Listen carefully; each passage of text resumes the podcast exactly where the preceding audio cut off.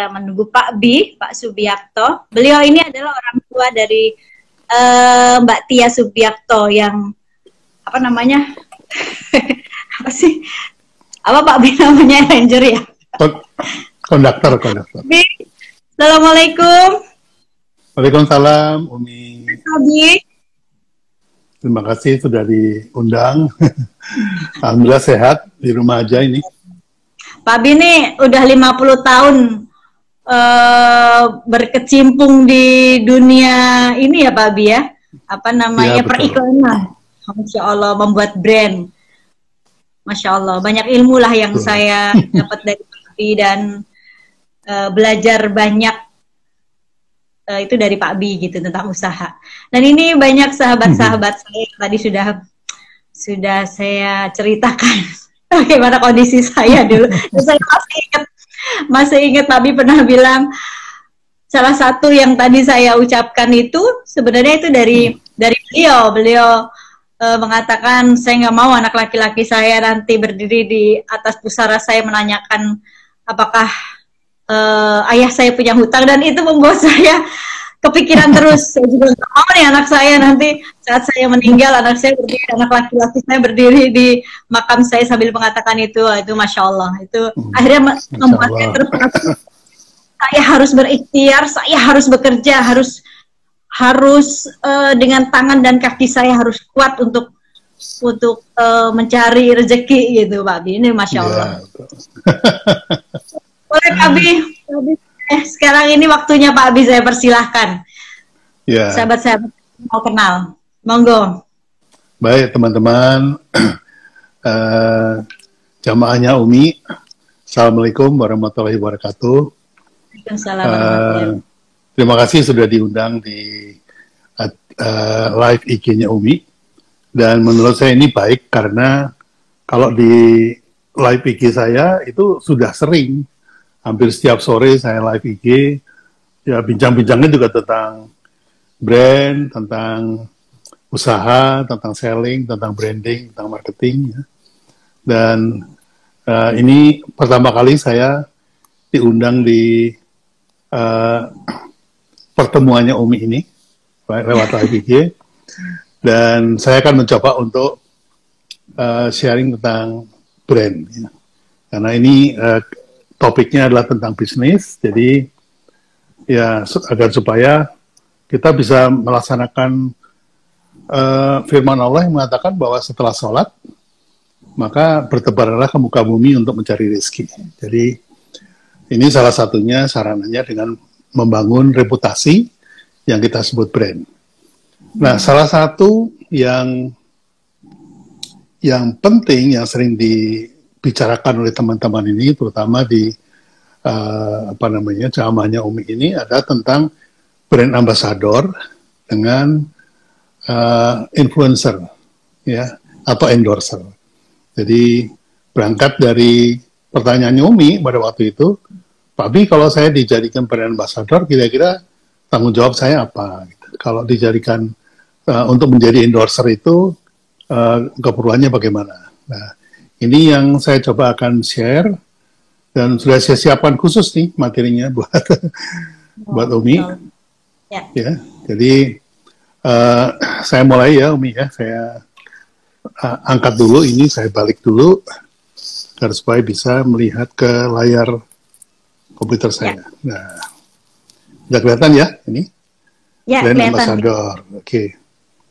Nah, brand ambassador ini uh, sebetulnya berangkatnya dari uh, influencing spheres. Influencing itu kalau bahasa anak sekarang influencer ya. Jadi influencer itu uh, terdiri atas lima peran ini. Hmm, yeah. Jadi ketika anda itu bertransaksi, setiap transaksi dalam prosesnya melibatkan kelima peranan pembelian ini. Yang pertama adalah orang yang mengambil inisiatif. Yuk kita makan di sana yuk. Nah, itu siapa yang ambil inisiatif. Terus ada yang bagian pengaruh. Oh, kita makan di sana aja, lebih enak, lebih murah, bla bla bla gitu ya. Itu yeah. influencers. Kemudian okay. decider yang ambil putusan ya kita sendiri. Yuk kita hmm. putuskan ke sana. Nah itu disadar. Kemudian user yang pakai rame-rame. Kalau makan rame-rame ya pakai rame-rame. Kemudian yang terakhir buyer. Buyer itu orang yang berangkat beli atau orang yang ngebayarin. Nah ini sebenarnya oh. Yang ya Pak ya. ya. Nah sekarang kita bahas juga siapa sih mereka-mereka itu ya. Jadi yeah. influencing spheres atau uh, kelompok yang dipengaruhi oleh influencer ini ada tujuh, tujuh kelompok. Hmm. Ya. Kelompok pertama adalah diri sendiri, itu personal. Nah ini biasanya menjadi target market kita. Sementara yang lain itu di sekeliling kita, misalnya ada keluarga, ada tetangga, kemudian ada uh, apa namanya? Uh, udah mau habis. Reference group ya. Kemudian ada social class, ada subculture, ada culture. Nah, ini di setiap transaksi di dalam prosesnya dipengaruhi oleh ketujuh kelompok yang mempengaruhi pembelian produk atau pemilihan brand. Hmm. Jadi kalau misalnya yang berinisiatif itu entah suami, entah istri atau anak-anak, kemudian yang memberikan pengaruh itu bisa tetangga, bisa ustadz di sini karena yang ya. menjadi referensi. Kemudian bisa juga teman sekantor, teman sepergaulan. Nah, diputuskan oleh yang bersangkutan, kemudian digunakan oleh sekeluarga, dibayari sama uh, yang bersangkutan. Jadi ya. ini prosesnya seperti ini. Hmm. Nah, kita akan ngebahas influencers. Di influencers itu ada brand ambassador ya. Nah, jadi uh, saya lanjut. Tingkatan influencer itu ada orang, ada teman, ada ahli, ada selebriti. Ya. Jadi yang memberikan pengaruh itu ada kelompok ini. Jadi bisa juga teman yang mempengaruhi, bisa juga yeah. ahli, bisa juga selebriti. Nah, setiap komunikasi dalam prosesnya membutuhkan seseorang untuk memperkuat trust calon konsumen. Jadi rasa percaya itu harus diperkuat. Itulah makanya kemudian muncul influencer. Nah, perannya bisa jadi model, bisa jadi endorser, bisa jadi testimoni. Nah, jadi setiap uh, ini komunikasi melibatkan endorser. Teman hati-hati memilih hmm. peran khususnya endorser dan testimoni karena tugasnya yang berat, ya ini menambah faktor trust pada calon konsumen. Jadi uh, paling ringan adalah ketika orang biasa, teman jadi model. Cuma duduk, dandan, senyum, jepret gitu, itu model. Nah, kalau dia harus ngomong, menyarankan untuk beli, itu jadi endorser. Jadi oh, Umi okay. menyarankan, oh silakan ikut workshopnya Pak B. Tapi Umi nggak yeah. ikut, nah itu namanya endorser. Tapi kalau oh. Umi sudah ikut, berarti itu testimoni. Hmm. Ya, dari testimoni. Yeah, kalau yeah. testimoni datangnya dari orang biasa, itu dari teman ya. Jadi kalau hmm. uh, kalau kita bicara honor, itu honor paling tinggi di testimoni. Oh gitu. gitu kalau jadi model cepret, eh, cepret itu ya udah sepertiga dari testimoni. Gitu. Demikian juga dengan ahli, misalnya ya dokter gitu ya, atau ahli mesin gitu diminta jadi testimoninya itu lebih mahal dari kalau dia cuma jadi model. Selebriti oh, juga begitu. Ini saya baru tahu loh Pak Abi. Kalau ternyata berarti itu merangkap ya Pak Abi, ya merangkap model dan uh, testimoni ya? Iya, model dan testimoni itu uh, ini paling Ya, kalau testimoni itu mahal karena apa? Karena ya. kalau di Amerika, di Amerika itu aslinya syaratnya Anda harus menggunakan produk itu minimal tiga hmm. tahun baru ya. boleh testimoni. Tapi ya. kalau baru kenal terus testimoni itu namanya dibayar. disuap Abi. disuap.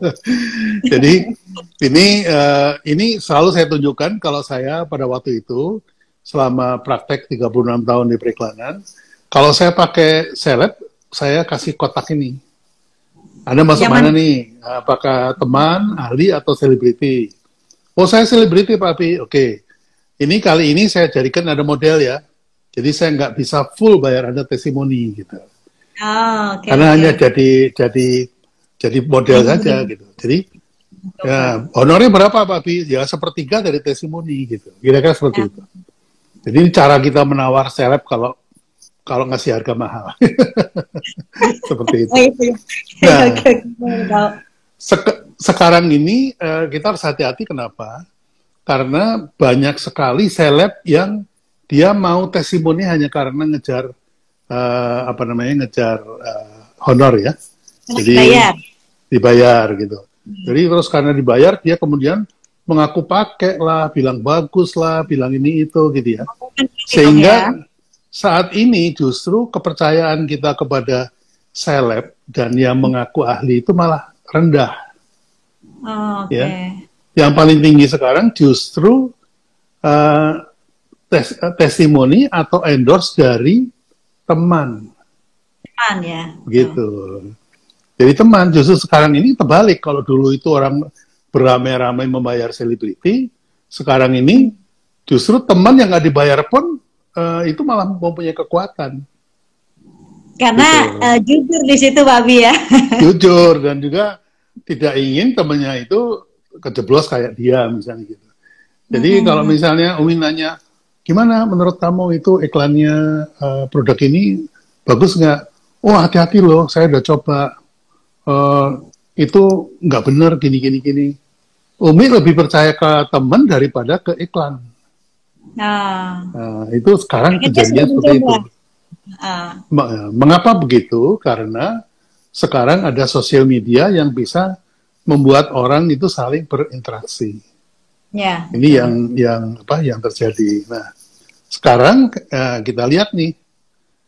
Jadi kalau kalau Umi sebagai produser itu melempar produk keluar, itu dilempar ke satu kolam, tapi yang bereaksi itu ada lima jenis ikan. Oh, Oke. Okay. Gitu. Jadi ini kolamnya Umi nih. Uh, ayo teman-teman, saya punya apa? Uh, punya madu nih, gitu ya. Dilempar. Yeah. Itu ada lima jenis ikan yang bereaksi. Hmm. Ikan yang pertama itu disebut innovators. Ini kecil nih, dua setengah persen. Tapi yeah. dia membeli itu karena baru. Wah, barang baru nih, kita harus beli. Kenapa dibeli? Karena nggak mau nanti ketika pengajian di tempatnya Umi, pada ngomongin soal madunya Umi dan dia orang yang paling nggak ngerti. Ah, oke oke. Jadi jadi takut ketinggalan cerita. Ya. Jadi itu yang membuat orang beli. Berarti Ini, uh, uh, kelompok istilahnya seperti ikut-ikutan gitu Pak Bia?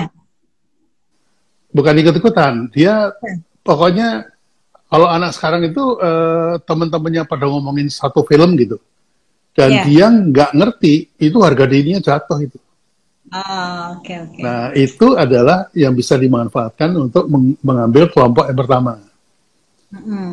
Kelompok kedua, ini kalau Anda sebagai brand ambassador atau sebagai endorser, ini uh, masuk ke dalam kelompok di tingkat 13,5 persen ini membeli karena memang itu it works sesuai dengan janji.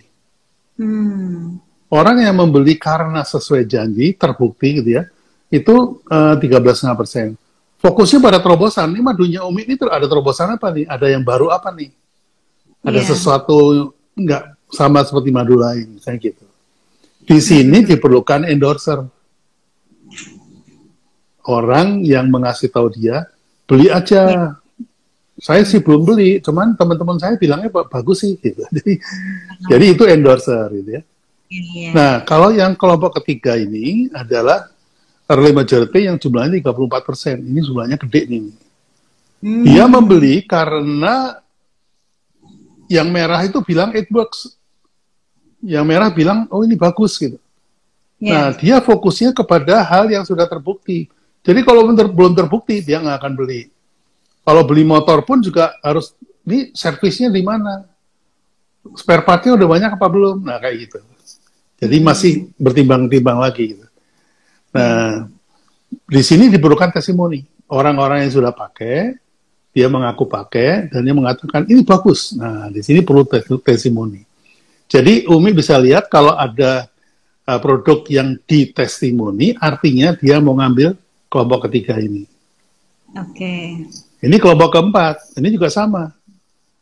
Kalau dia mau beli barang mesti dibandingin dulu. Hmm. Bagusan mana ya, yang lama sama yang baru gitu. Nah ini yeah. saya iya. deketin deh biar Umi nggak perlu meringis-meringis niatnya. Nyurang-nyurang gitu. Kata matanya. matanya udah begini-begini. Jadi, nah ini eh, kelompok ini dia nyari yang lebih menguntungkan setelah dibandingkan. Di sini yeah. dia butuh dibantu oleh oleh testimoni juga, oleh endorser. Ya karena dibantu untuk mengambil putusan. Nah yang terakhir ini kelompok laggards. Ini kelompok yang paling lambat bekerja, lambat bereaksi. Membeli karena nggak ada pilihan lain, Umi. Paksa Juga ya. Kepaksa. Uh, the power of kepepet di sini. Nah, ini biasanya nggak cuma testimoni, diperlukan juga insentif, diskon, bonus, cashback, eh, cicilan. Jadi ada orang-orang yang uh, memang baru bereaksi kalau ada cashback, ada cicilan gitu.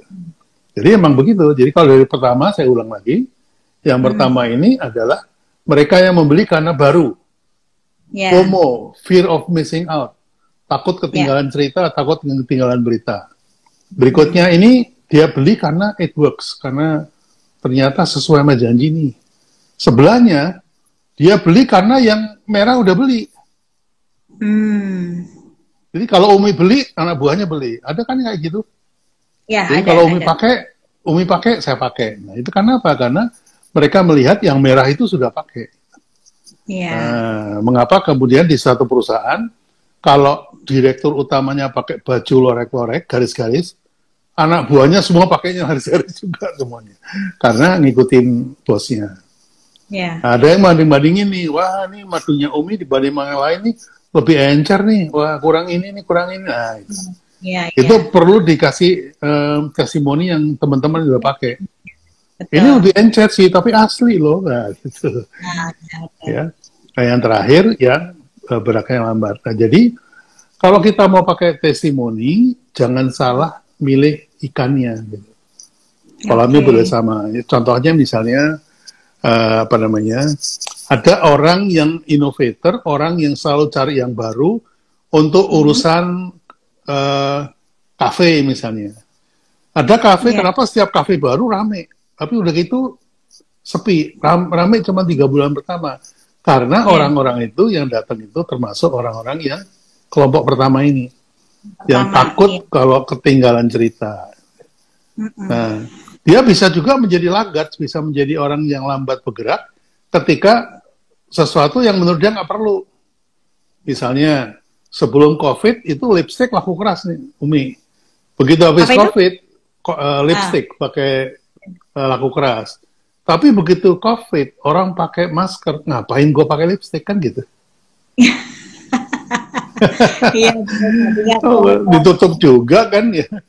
Nah, akhirnya dia hanya beli kalau kepepet. Misalnya, wah saya mau live nih sama Pak Bi, harus harus buka masker, harus pakai lipstick, baru beli gitu. Hmm. Jadi banyak uh, ya kayak kayak Budita aja, kalau mau pergi itu wah lipstick gue di mana, udah nggak tahu ditaruh di mana, akhirnya uh, dia pinjam punya anaknya. Jadi karena kepepet dia pakai orang lain atau beli lagi gitu. Jadi ini bisa iya. terjadi seperti itu.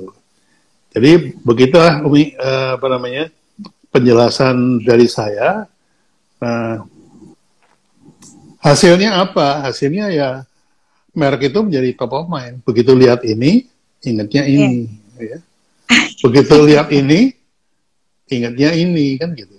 Filipin ya, Begitu lihat ini, langsung ini. Ini semua Pak Abi ya tagline-nya ya. Begitu muncul ini, ya yang diingat adalah roti, roti boy. boy. Oh, roti boy ya. juga, Pak Abi juga. Nah, itu udah lama lah itu ya. Nah, mari kita diskusikan. Monggo silakan kalau ada teman-teman yang mau nanya. Kita Di komentarnya bahas. Ini, ya. Nah, buat yang pada ingin nanya gitu ya Pak Abi. Masya Allah, jadi uh, baru tahu ini saya Pak Abi. Mulai gitu ya. Ya, penjelasan Pak Abi tadi. Kemarin waktu pertama ikut workshopnya Pak Abi kan tidak jelasin soal ini, jadi enggak, baru tahu. Ya, secara umum masih. Dan Pak Abi ini uh, buka workshop loh, sahabat. Uh, tapi sekarang lebih ke online dulu ya Pak Abi ya? Ya, online workshop. Bisa hmm, workshop biasa. sambil tiduran jadinya. lebih enak ya. Biasanya kan uh, buka yeah. kelas gitu ya, semua ada di yeah. kelas gitu. Dan Masya Allah. Perkembangan, kalau saya mau tanya perkembangan UKM sekarang seperti apa ya Pak Abi? Nah, UKM itu sebetulnya kalau menurut saya hmm. itu kesempatan untuk uh, bersaing dengan korporat itu lebih besar. Mengapa? Hmm. Karena ibarat orang lari, lari maraton gitu ya, di yeah. tengah jalan udah kalah jauh nih sama korporasi ini. Tapi hmm. karena pandemi ini, akhirnya semua harus mulai dari awal lagi, restart lagi dari ulang gitu. Hmm. Nah, karena di restart, jadi kita startnya bareng lagi. Gitu. Hmm. Baik yang namanya McDonald, KFC, itu terpaksa harus start ulang bareng sama ayam geprek. Kan gitu. Oh gitu, oke okay, oke. Okay. Ya kan sama-sama bareng sekarang. Kan ditutup, yeah. nggak boleh kan. Begitu ditutup, udah kan, semuanya mati kan. Nah, hmm. sekarang PSBB silakan buka. Begitu buka lagi, itu kan bersaingannya udah bareng. Yeah. Kalau dulu kan KFC udah kapan-kapan gitu ya, sementara ayam geprek baru mulai kan, jadi akhirnya nggak fair di situ. Jadi ini masuk kesempatan untuk restart ulang lagi. Jadi hmm. uh, selama pandemi kemarin, teman-teman memang melakukan persiapan-persiapan untuk restart ulang. Ini yang hmm. dilakukan teman-teman. Iya, gitu. Iya. Tadi kayaknya ada yang nanya, Pak Bi. Iya. Uh, gimana caranya buat brand minuman katanya Pak Abi. Hmm. Tadi ada yang Minum, minumannya minuman apa ini? Minumannya tuh. Tadi tadi siapa yang tanya uh, bagaimana cara membuat brand minuman tuh? Boleh diketik lagi pertanyaannya. Ya. Karena ada cara cara yang beda antara UKM sama korporat. Ah, Korporat itu ketika dia mau mulai, dia sudah punya modal besar. Sementara hmm. UKM kalau mulai itu biasanya kan nggak punya modal besar ya. Iya, Jadi iya, betul. modalnya dikumpulin sambil jalan. Jadi iya. saya uh, cerita tentang tukang sayur. Hmm. Tukang sayur di komplek itu, itu hmm. dia cuma menguasai pasarnya satu jalan aja. Satu jalan oh. itu misalnya Jalan benda satu, ya udah, jalan benda satu. Itu ada berapa rumah nih? 100 rumah. Cukup buat dia. Karena sudah ada kalau setiap rumah, Betul. Kalau setiap rumah dia untung sepuluh ribu rupiah, ya, maka sehari itu 100 rumah dia untungnya sepuluh ribu. Eh, 100 karena ribu. Mereka rutinan karena ya Pak Pak Bia belanjanya. Betul. Jadi, satu bulan, satu bulan dia bisa untungnya tiga juta. Oh, Tukang sayur loh, ya kan? Ya, ya. Apa yang dilakukan tukang sayur itu yang harus diikuti atau kita pelajari. Tukang sayur itu rumah nomor satu sampai rumah nomor seratus itu dia kenal baik semuanya. Ah. Kebiasaan setiap rumah dia tahu. Bahkan ya. Rumah nomor satu itu rumahnya Bapak Anu, istrinya uh, Ibu Anu. Ibu Anu itu dari mana? Oh dari Cirebon. Bapaknya itu orang Madura loh padahal gitu. Sampai hmm. ke seperti itu tukang sayur itu tahu. Iya, iya, iya. Anaknya sekolah di mana tukang sayur tahu. Anaknya suka makan apa tukang sayur tahu. Bahkan pembantunya ada berapapun dia tahu. Ini tukang sayur punya database yang luar biasa. Ah, iya. Terhadap setiap rumah. Jadi setiap rumah dia udah tahu nih kebiasaan-kebiasaannya sehingga yang dia siapkan itu pasti habis. Karena memenuhi iya. permintaan kebiasaan dari iya. semua rumah. Betul, betul. Nah, UKM itu harus belajar dari tukang sayur. Kurang lebih yeah. mirip kan? Ya. Jadi UKM yeah. itu nggak usah mikir mau ekspor ke Amerika, mau wah ke ketinggian mimpinya. Yeah. Sudahlah, kalau misalnya Anda jualan soto, kuasai saja jalan yang an, tempat Anda punya restoran. Kalau di belakangnya itu ada kompleks, kuasai seluruh kompleks, itu udah market yang gede. Hmm, iya iya, masuk nah, akal sih Pak. Ketik, Iya, ketika sudah sukses di satu komplek, ini dibikin model, ditempatkan di tempat lain. Nah, buka cabang atau franchise sama teman lain. Jadi itu yeah. model model berkembangnya UKM harus seperti itu. Hmm. Ya. Ya, Kalau ya. mau cepat-cepat gede bahaya nanti gedenya cepat, jatuhnya juga cepat. Hmm, hmm, hmm. Gitu. Ya mungkin ya. tadi yang tanya sudah paham ya. Ini ada yang tanya lagi nih Pak Bi, Ibu Rolianti 1828 Pak Bi, saya mau buka usaha cemilan kiloan terus di branding sendiri. Nah, kemudian dijual kembali tapi saya bingung mulainya dari mana, mohon dibantu Pak Bi. Ibu Rolianti. Oke, ini saya tunjukin aja ya. Uh, ya. slide-nya lagi. Ini jadi kayak workshop ini. ini Masya Allah nih sahabat sahabat Tumi dapat ilmu yang luar biasa nih. Biasanya kalau untuk yeah. workshopnya Oh, Masya Allah. Yeah. Nah, kita samakan dulu nih persepsinya. Jangan sampai nanti ibu itu bilang brand, nanti pengertiannya beda. Ya, brand itu, apa itu brand? Tujuan dari brand itu adalah loyalty. Jadi membeli lagi, beli lagi, beli lagi, beli lagi. Itu tujuan dari brand. Jadi brand itu menciptakan pelanggan. Ya. Kenapa bisa begitu? Karena brand ini adalah love mark. Jadi brand itu tanda dari cinta. Jadi kata hmm. cinta itu adalah sesungguhnya brand. Brand adalah love. Nah, apa namanya? Uh, yang secara spontan, kesan spontan dari konsumen itu adalah brand. Jadi gambarnya begini. Kalau pengusahanya ngomong produk ini, maka di kepala konsumennya itu fast food. Fast food. Yeah. Ya, sebelah kiri pengusaha, sebelah kanan adalah uh, konsumen. Nah, fast food uh, uh, kesan fast food itu itu yang disebut brand. Hmm. Ya. Sementara ini adalah produk. Produk. Yang pada produknya itu ada logonya, ada mereknya, ada logonya. Nah, kalau dilihat letaknya brand itu bukan milik dari pengusaha. Brand itu milik dari yang punya kepala. Hmm. Jadi produk kita yang diingat oleh konsumen itu disebut brand. Gitu. Ya. Jadi kenapa dia diingat oleh konsumen? Karena sudah ada ikatan emosi, sudah ada love tadi. Jadi brand itu adalah hasil dari love itu. Jadi kalau dia bilang saya mau buka usaha nih papi, saya mau branding sendiri, nah itu salah. Hmm. Maksudnya pasti mau bikin logo sendiri gitu. Iya, iya. Nah, jadi uh, perlu dicatat bahwa brand bukan logo di sini kelihatan kan? Brand bukan yeah. logo, brand bukan produk gitu ya.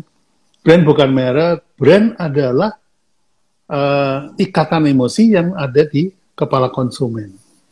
Hmm. Nah, ini yang yang jarang di di apa namanya dijelaskan.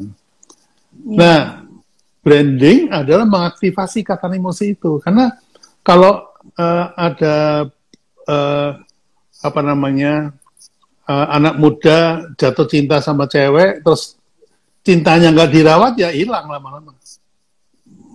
Nah itu harus dirawat dengan branding. Itu jadi merawatnya ini kalau kalau produk lewat sosial media. Yeah. Ya kan? Makanya Pak Pi kenapa rajin posting ya karena itu merawat supaya brandnya Pak Pi nggak nggak hilang dari kon kepala konsumen gitu. Ya orang masih ya terus kan? ingat ya Pak ya. Terus ingat jadi di situ. Nah, emang. Bahkan karyawan pun juga harus jadi brand ambassador dia. Hmm. Dia harus mendukung value yang diberikan. Jadi ya, yeah. misalnya, uh, misalnya begini ya, uh, sorry ini saya lambatin. Misalnya produk ini kan tadi dipersepsi sebagai fast food. Fast food. Dan dia ada brand kan. Lalu kemudian ini produknya adalah uh, apa namanya tadi burger dan segala macam, mereknya McDonald, kemudian logonya M ini. Oh, nah, yeah. kalau lihat logo ini, apa yang muncul di ingatan dari konsumen? Mana lagi selain di McD? Ya. Ini kenapa? Iya, karena, karena inilah yang menjadi ikatan emosi. Artinya apa sih mana lagi selain di McD? Tidak ada lagi kecuali di McD kan gitu. Iya. Nah sama dengan Umi juga gitu. Umi ini uh, apa namanya di jemaahnya ini tidak ada lagi selain Umi. ya kan? Nah itu artinya Umi sudah jadi brand. Mana lagi selain Umi itu? Banyak ya, Pak, dia ada Mama Dede dan lain-lain. Jadi pengertiannya itu. Nah ini yang di, dinasihatin oleh Seth Godin, marketing hmm. itu bukan tentang jualan produk. Marketing itu tentang bagaimana Anda menceritakan sebuah yeah. cerita. Hmm. Itu. Jadi ceritanya Umi yang tadi yang di pembukaan itu di depan tadi, itu justru membuat ikatan emosi orang kepada Umi makin kuat. Hmm. Jadi tell the story adalah cara membangun brand. Oke. Okay. Nah, segitu segitu dulu. ya, Jadi uh, kalau si... saya banyak tadi ya. Kue kue yeah. ubi pitik yang pertama kali Pak Bi uh, Pak Bi coba branding yeah. yang membuat semua jamaah jadi uh, misalkan nih saya ceramah di suatu daerah baru turun di pesawat yang ditanya bukan saya tapi kue ubi pitik. Umi bawa kuenya nggak? Oh, berarti yang ditunggu-tunggu kue saya ya, bukan saya. Karena apa? Karena kue itu tanda cinta sama Umi, gitu. Oh, iya, iya. Jadi kalau Dan saya itu... beli kuenya Umi, artinya uh -huh. saya cinta kepada Umi. Itu tandanya nih, gitu. Uh, ya. Dan itu asal uh, sahabat tahu kue saya, kue Umi Pipik itu yang nge-branding Pak Bi. Ya, kemasannya cukup simple banget dengan mewakili karakter saya banget. Waduh, saya nggak bawa contohnya lagi Pak Bi mungkin ada. Iya. ada. Nggak ada di sini. Nggak ada ya. Uh, hanya kotak yeah. hitam, kotak yang misterius. hanya hitam dan tulisannya simpel saja Umi Pipik. Udah itu aja. dan itu masya Allah, itu luar biasa penjualannya. Karena, ya karena karakter Umi memang simpel kan. Jadi Umi itu menyampaikan baik firman Allah maupun hadis secara simpel di, yeah. dituntun jemaahnya untuk memahami dengan cara pemikiran yang simple. Yeah. Ada kan Ustadz yang menjelaskannya tuh, waduh, pakai bahasa yeah. Arab pula gitu yang orang uh, merasa jadi jauh kan gitu. Karena buat saya mungkin apa yang saya sampaikan ya apa yang pernah saya alami gitu Pak. Jadi yeah, hanya pada ingin memberikan eh, semangat saja gitu, bukan. Itu yang disebut cerita. Ah, iya iya. Jadi cerita ceritanya Umi itulah yang kemudian bikin orang itu jatuh cinta kepada Umi sehingga brandnya Umi itu ada di kepala mereka. Iya, itu cara iya. berpikirnya yang simpelnya seperti itu. Oke, Pak Bi ini ada yang nanya lagi nih Pak Bi. Iya. Uh, terus biasa Pak Subiakto pernah mengalami untung dan ruginya belum? kayaknya kalau usaha kalau ngalami rugi itu nggak mungkin ya Pak. Ya, mungkin uh, ada pernah dengar Dewa Eka itu selalu mengatakan bahwa saya pernah punya hutang 7,7 miliar dan saya hmm. harus kerja mati-matian untuk membayar kan gitu. Nah, itu menurut saya belum besar. Ya.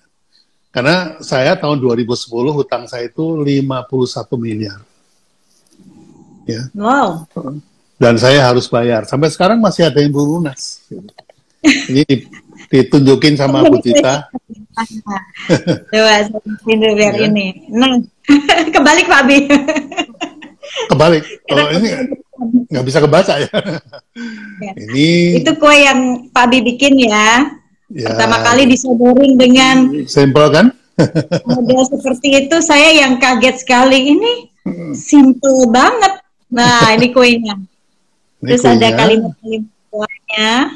Ada doa-doanya juga gitu ya. Doanya. Jadi saya melihat kepribadian Umi itu ya ini hitam simple. Iya. Pakaiannya Karena selalu hitam.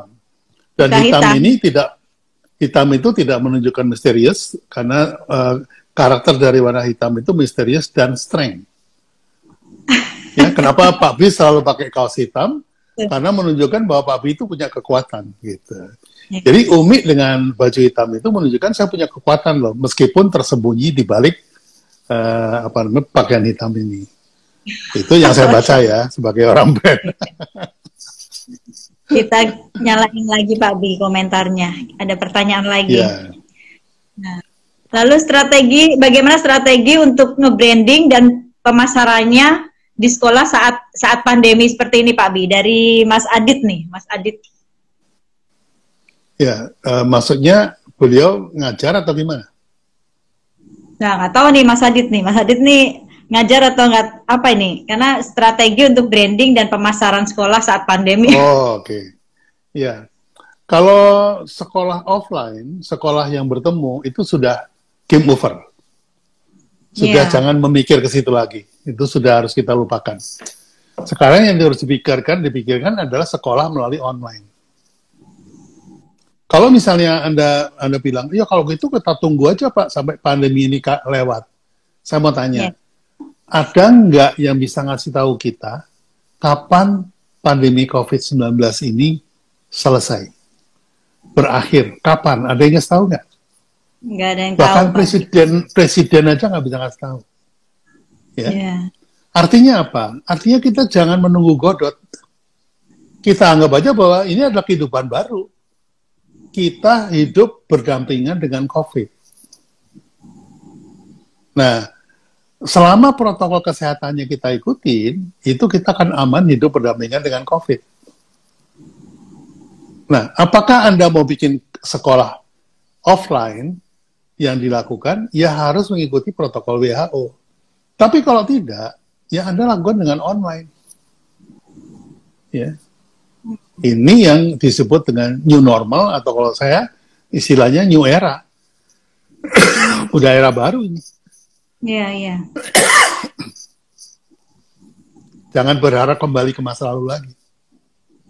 Jadi harus uh, harus punya strategi baru ya Pak Bi ya? Betul strategi baru. Ya, ya. Ya.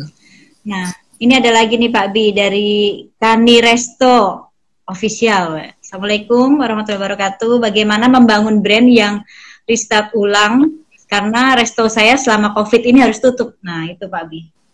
Karena mungkin yang ngalamin bukan cuma uh, yang punya restoran apa Kani Resto, tapi banyak sekali gitu Pak Bi. Oke, okay. Kani Resto ini uh, spesialisnya apa nih? Restoran apa? Ya, ini kan resto, resto apa umum, nih? Gitu? Uh, mungkin kali ya Pak Bi ya. Dan sekarang mungkin gini ya Pak ya. Bi, walaupun sekarang resto-resto dibuka, tapi mereka membatasi, membatasi, uh, ya kan? Otomatis kan itu uh, apa namanya pemasukannya pun juga berkurang ya Pak Bi ya. Betul. Jadi bahkan orang-orang semacam saya yang sudah berumur itu nggak berani ke makan di restoran. Sekarang okay. kalau makan di restoran, yang dilihat pertama itu krunya. Krunya pakai hmm. masker apa enggak? Ya, di situ ada enggak uh, sanitizer ada enggak? Kalau enggak ada, uh, mendingan balik lagi aja. Hmm. Sekarang kalau ngorder makanan, nggak berani saya bikin uh, ngorder makanan biasa. Pecel udah nggak saya makan lagi. Kenapa saya tuh Pak Bin? Karena saya takut kalau tidak panas, itu virusnya nggak mati. Oh. Jadi kalau yeah. ngorder sekarang itu yang paling laku ya mie bakso, itu kan laku. Saya kalau yeah. ngorder ya panas, selalu panas. Sampai di rumah hmm. dipanasin lagi. Lagi. Sampai 121 derajat sehingga si bakteri nggak bisa hidup lagi, virus nggak bisa hidup lagi. Itu kenapa? Karena Anda menghadapi pasar yang berbeda sekarang. Kalau sebelum yeah. COVID, pasar itu tidak ada prasangka, tidak ada pasar was-was namanya. Sekarang hmm. ini pasarnya semua was-was. Mau makan takut, mau pegang uang uang yang biasa kita pegang, mau pegang aja takut. Hmm. Jangan-jangan ada virus ya. Jangan-jangan misalnya ada Anda beli barang, kembali uang kembalian uang itu pun takut megang. Yeah. Jadi selalu was-was jangan-jangan ini ada virus gitu. Karena apa? Virus itu lawan yang tidak kelihatan. Hmm. Kalau itu orang gitu ya, walaupun dia pakai celurit, saya masih nggak takut. Tapi kalau kalau virus ini nggak kelihatan nih, jadi kita mau ngelawan pakai apa? Saya yeah. punya pedang nggak bisa dipakai, saya punya pisau nggak bisa dipakai, saya punya pentungan juga nggak bisa dipakai. Gitu ya. Jadi ini uh, pasar yang berbeda. Jadi saya sebutnya sebagai the new normal ini adalah tidak normal. karena kita menghadapi pasar yang was-was, masyarakat yang selalu ketakutan. Gitu. Nah, sehingga sekarang kalau bikin sekolah, bikin restoran, bagaimana sih menghadapi pasar yang was-was ini? Ya, kalau kalau teman-teman nih uh, alumni saya kebanyakan yang punya restoran dia pindah ke delivery, tidak lagi dine in ya. Kemudian delivery pun juga dia lihat nih ibu-ibu ini di rumah nih sekarang uh, karena di rumah pengen dilihat sebagai sebagai uh, ibu yang baik gitu ya. Itu kan uh, displaynya di mana sih ibu yang baik itu? Di meja makan. Hmm. hmm. Coba sekarang uh, Umi nyuci baju Begitu yeah. disetrika digantung di lemari nggak kelihatan kan. Yeah. Apalagi yeah. Uh, nyuci sepatu, sepatu dibersihin, ditaruh di kotak. Nggak ada yang kelihatan. Yang kelihatan itu apa? Meja makan, yaitu makanan, masakan. Jadi semua ibu-ibu itu berusaha untuk menunjukkan bahwa dia eksis dengan menampilkan masakan. Cuma bedanya ibu zaman sekarang masaknya nggak mau repot kalau bisa bumbunya udah siap, jadi nggak pakai ngulek-ngulek lagi gitu ya, nggak pakai motong-motong cabai gitu kalau bisa. Nah ini uh, harus kita lihat nih pasar ini seperti itu sekarang. Jadi teman-teman harus paham bahwa kalaupun anda bikin frozen food dikirim ke rumah harus sudah setengah matang sehingga si ibu ini tinggal ngangetin aja, tinggal manasin, taruh di meja makan, seolah-olah itu dia yang masak. Oh. Jadi itu sekarang kondisi dari hati dari ibu-ibu yang ada di di rumah itu sekarang. Berarti solusinya bisa seperti ini dong Pak Bi. Saat uh, tadi apa Kani Resto tadi restorannya tutup, dialihkan uh, di sosial media untuk bisa delivery begitu ya Pak Bi ya. Dia promosikan, yeah. dia masak sendiri di situ lalu bisa delivery gitu Pak Bi ya. Ya, istilahnya menjadi ghost resto. Solusinya apa seperti itu? Ya, seperti itu. Karena kalau sebelum pandemi orang datang ke restoran makan, setelah pandemi or, makanan yang pergi ke rumah untuk dimakan. Iya, iya, iya. Jadi ini berbeda sama sekali. Iya. Baik, mungkin sudah terjawab ya eh, Kani Resto. Ini ada lagi nih Pak Bi dari Karimayuni. Assalamualaikum Pak Bi, Umi mohon izin mau tanya bagaimana cara memulai mengembangkan bisnis pemasak apa nih pemasaran online. Pemasaran, iya. Pemasaran online, Pak Di. Ya, um, ya ini agak agak panjang penjelasannya. Saya takut waktu nggak cukup ya, uh, karena ya. pemasaran online ini cukup cukup ribet ya, cukup ribet. Nggak cuma sekedar masang foto di Instagram, nggak cuma sekedar itu. Tapi itu paling sedikit yang bisa dilakukan oleh kita yaitu jadi bikin foto dari makanannya, produknya, taruh di Instagram, kasih cerita, kasih caption cerita yang menarik. Nah, itu nanti akan membuat orang untuk menghubungi atau DM gitu. Hmm. Itu umumnya seperti itu. Ya, atau atau minta di endorse ya. sama Umi, nah udah pasti beres. Umi ini jemaahnya jemaahnya 2 juta loh. Jadi kalau bikin bikin kue cuma 10 mah satu menit hilang gitu udah. Aduh, masya Allah. Ini ada lagi yang bertanya Pak Bi. Bagaimana uh, cara buat brand fashion hijab Pak Bi? Ya, ya. Uh, Oke, okay. kalau dalam keadaan normal ya, itu banyak yang bisa melakukan ya. Ini keadaannya tidak normal, jadi keadaannya was-was. Jadi kalau menurut saya uh, fashion itu diarahkan kepada baju rumah, ya, hmm. baju rumah, bukan baju pergi karena sekarang orang nggak pergi. Benar. Sekarang orang mau pergi rumah. Iya. Jadi buatlah baju rumah yang representatif untuk tampil di IG live kayak gini atau di Zoom gitu ya. Jadi hmm. daster cuman setengah ke atas tuh keren ditampilkan gitu. Kayak saya ini kan setengah ke atas keren nih. Di bawah orang nggak perlu tahu saya pakai sarung, pakai piyama. Yang penting tulisan tengahnya itu tuh. Yang penting ini, ini ada tulisannya ini yang penting. Bisa bikin keren. nah, jadi kayak Umi sekarang. Umi uh, live IG sama saya. Umi kan yeah. harus berpakaian yang pantas kan? Iya. Yeah. Nah, sekarang Umi pakai baju rumah atau pakai baju pergi? Baju rumah. Baju rumah kan? Tapi baju rumah karena tidak pede, makanya di close up kan? Nah, ini bagaimana caranya supaya baju rumahnya itu layak tampil betul. kan gitu. Betul banget. Iya, betul banget. Jadi uh, bikin hijab pun juga yang uh, bisa menjadi aksesoris dari uh, baju rumah yang layak tampil itu. Iya, benar. Nah, itu ada lagi tuh Pak Bi dari Laundry Palembang. Pak Bi, bagaimana kalau uh, brand brandnya Laundry Pak Bi? Mungkin ya. Ibu ya. Aduh. Ya begini, kalau kalau uh, kalau teorinya begini, segitiga Maslow Anda bisa googling, itu kebutuhan paling dasar itu namanya basic need. Basic hmm. need itu orang kebutuhan dasar manusia itu air, kemudian makanan, kemudian shelter tempat uh, tinggal dan kehangatan. Jangan sampai kedinginan gitu, istilahnya gitu. Nah, empat ini kebutuhan dasar yang sekarang ini dituntut oleh konsumen. Jadi kalau tadinya itu konsumen beli karena gengsi, sekarang lupakan gengsi, kita balik back to basic. Yang hmm. penting kenyang kalau sekarang ini. Makannya apa pun, yang penting kenyang. Tapi kan nggak gengsi Pak Bi, kita kan harusnya makannya kan pakai dine in, bla bla bla. Ah, nggak perlu gengsi, saya pokoknya yang penting makan. Gitu. Nah, ada tambahan di atasnya, level 2-nya itu adalah rasa aman.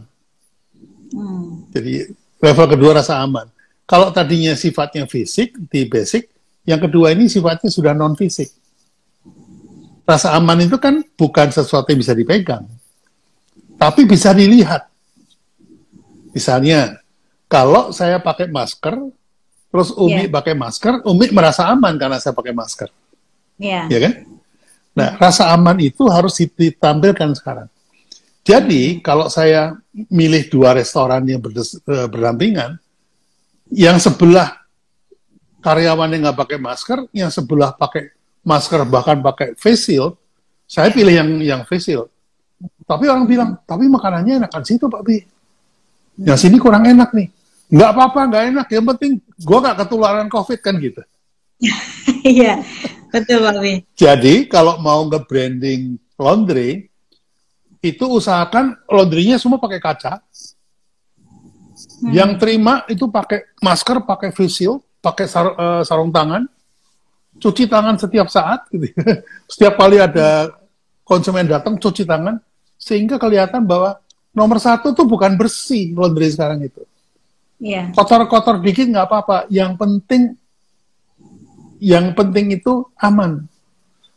Nah, rasa iya. aman itu ditimbulkan dengan masker.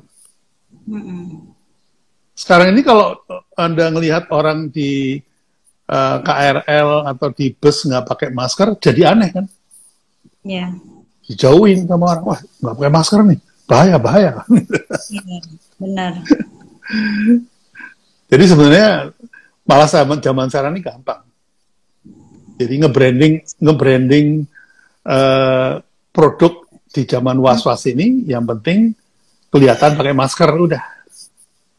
Jadi kalau iya. Anda mau jual produk ini, kasih aja masker, udah beres. Oh, bonusnya ya Pak Bi? Maskernya begini Bu, uh, Umi. Jadi uh -huh. di balik di balik sini ditulis uh -huh. atau, atau ada foto proses pembuatan ini semuanya pakai protokol WHO. Cuci tangan, uh. pakai masker, ini, ini, ini. Nah, itu cara memberikan masker kepada produk kita. Oh, okay, okay. Ditunjukkan prosesnya. Gitu. Mm-hmm. Iya. Jadi orang uh, percaya ya Pak Bi ya. Merasa aman. Merasanya, ya, merasanya merasa aman. Baik Pak Bri. Ini ada lagi Pak Bi dari Adri. Uh, Assalamualaikum. Gimana cara membuat anak buah saya bisa menjual produk saya, Pak Bi? Saya di bidang perbankan. Wah. Ya. Ini monggo.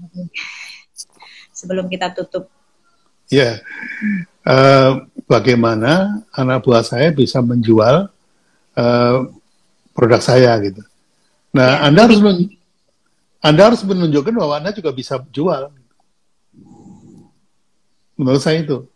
Kalau bosnya nggak bisa jualan, anak buahnya ngapain jual? bos saya aja nggak bisa. Iya, iya.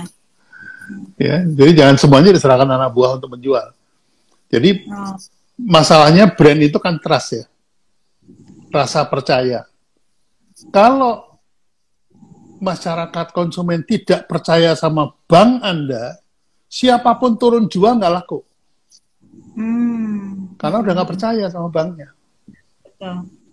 Ya. Tapi kalau banknya bisa dipercaya, siapa pun yang jual pasti laku. Iya. Yeah. Itu gunanya brand. Ya. Hmm. Dan memang sekarang ini bank kesulitan. Karena apa? Kita lagi menghadapi masyarakat yang was-was. Jangan kata pinjam duit, naruh duit aja takut orang. Takut nggak bisa ditarik lagi uangnya. Mendingan taruh di bawah bantal ya kan? Iya. Beli celengan di rumah, Babi. celengan aja. Saya taruh bawah bantal uangnya sekarang. Oh, gitu.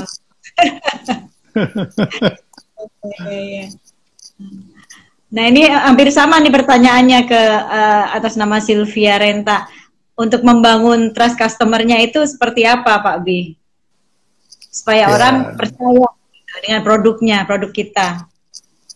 Sebetulnya untuk membangun trust itu gampang Buatlah janji yang bisa Anda tepati. Ya, jangan bikin janji yang tidak bisa ditepati.